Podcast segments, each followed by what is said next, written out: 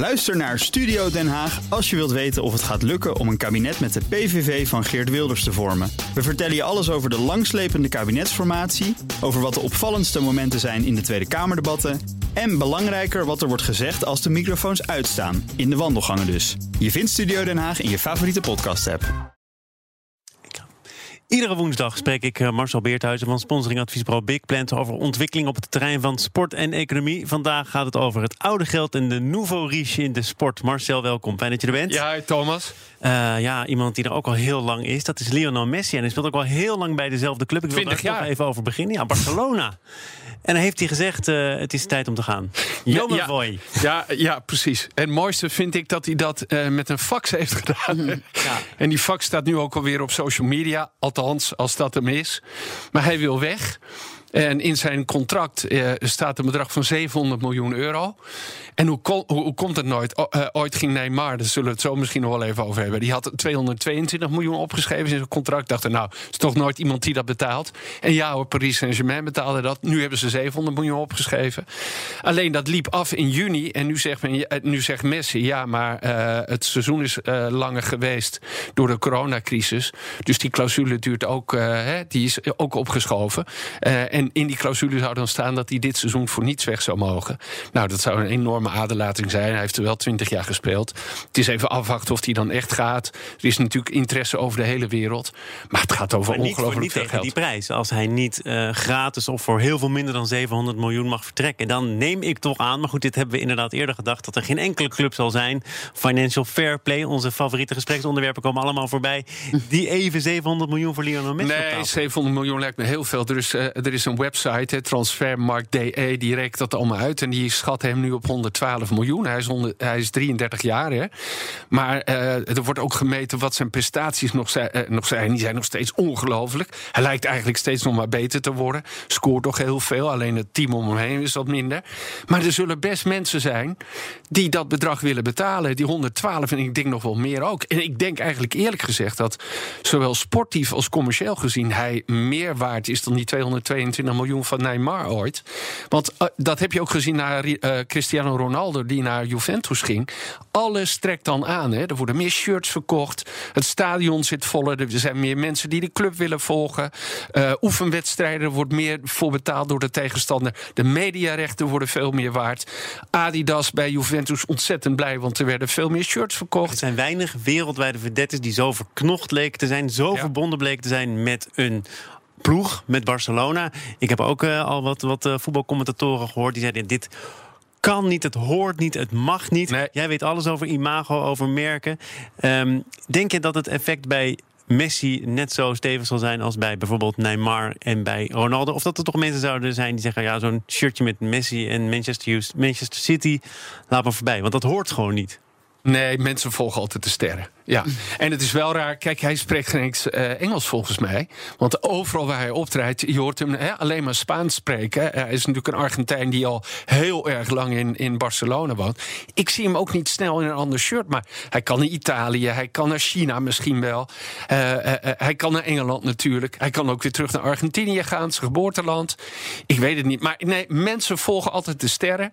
En het geld volgt ook altijd de sterren. En er zijn zeker mensen, daar ben ik van overtuigd die bereid zijn om hier honderden miljoenen in te investeren. Omdat, begrijp... het, omdat het gewoon nog geld gaat opleveren. Ja, en ik begrijp ook dat zeg maar, de aanhangers van de club nu uh, buiten staan uh, om de voorzitter uh, ja. weer weg te sturen. En dat betekent volgens mij dan ook weer wat voor Koeman of zo, begrijp ik. Ja, emoties lopen natuurlijk ja. altijd hoog op. En je, Koeman heeft niet alles gedaan om hem binnenboord te houden. Nee. Die schijnt gezegd te hebben: het is afgelopen met jouw privileges en je zult je maar moeten voegen naar de wensen van het team en de trainer. Ja, nu gaan we allemaal roddelen. Ja. En dan, want Messi no, nog, dit is de buurman van Suarez. Ja. En die schijnt net een telefoontje te hebben gehad van Koeman. Die zei, nou, het wordt tijd dat jij naar Amsterdam vertrekt.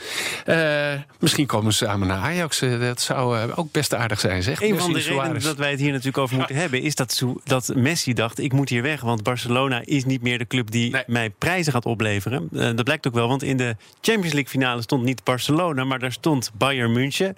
Ik neem aan dat jij dat bedoelt met het oude geld, het oude voetbal... en Paris ja. Saint-Germain, de nouveau riche. Nou ja, dat, dat, dat precies is waar ik het over wil hebben. Want uh, zo wordt het dan ook door, door allerlei journalisten in de media, op, op social media gezegd. Weet je, ja, er worden de cijfers vergeleken. Dus Bayern München heeft een selectie van 100 miljoen. Uh, Paris Saint-Germain heeft een selectie die 600 miljoen heeft gekost. Uh, weet je wel, de bedragen die geïnvesteerd zijn in totaal in Parijs 1,3 miljard. En mensen vergelijken het allemaal met elkaar. Salarissen die worden betaald. Paris heeft inderdaad aan twee spelers meer dan 400 miljoen betaald. Hè, dus dat is Neymar. Aan de andere kant, als je gewoon wat eerlijker gaat kijken, dan vraag ik me eigenlijk af: is er wel zo verschil, veel verschil tussen dat oude geld van Bayern München, die ook allerlei spelers hebben weggeplukt in de Duitse competitie? Maar misschien hangt het er vanaf eh, wie er verantwoordelijk is voor die geldstromen. Want je weet natuurlijk vanuit eh, Paris Saint-Germain dat dat oliedollars zijn. En daar wordt dan in de sport wat uh, met wat, met wat argusogen naar Ja, maar Lewandowski loopt uit zijn contract bij Borussia Dortmund. En Bayern München die pikt hem gewoon op, weet je wel, voor niets. En dat is een speler die meer dan 100 miljoen waard is, denk ik. Nou, niet toen hij kwam, maar nu zeker. Weet je, dus ook... De, dus ik vind het bijna, geen eerlijke vergelijking. Ik vind het bijna een beetje on, oneerlijk. Nou is uh, Qatar, hè, die zit daar natuurlijk achter. Die hebben ongelooflijk veel geld. in Bayern München, er zit geweldig bestuur. Uh, het, zijn ook, het is de gezondste voetbalclub ter wereld. Uh, die, die miljoenen winst maken. Een uh, omzet hebben van meer dan 800 miljoen en 165 miljoen winst maakt de afgelopen jaar.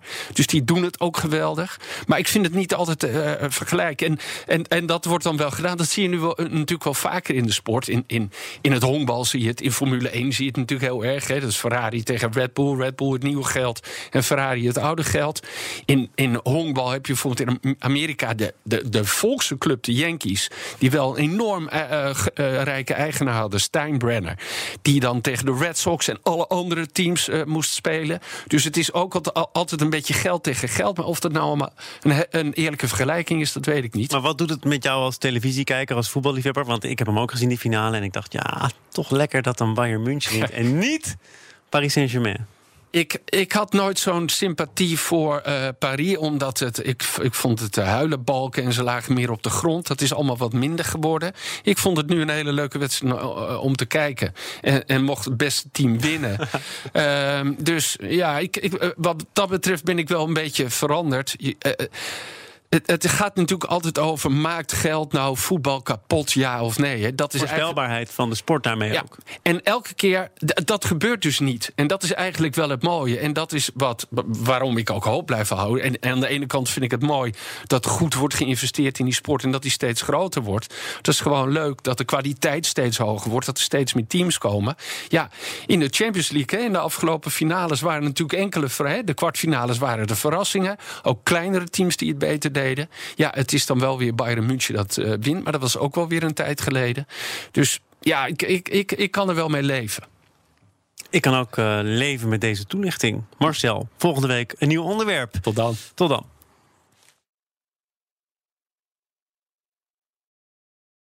Ook Diana Matroos vind je in de BNR-app. Ja, inderdaad. Je kunt live naar mij luisteren tijdens de Big Five. Ook handig in de BNR-app. Breaking nieuwsmeldingen, maar ook het allerlaatste zakelijke nieuws.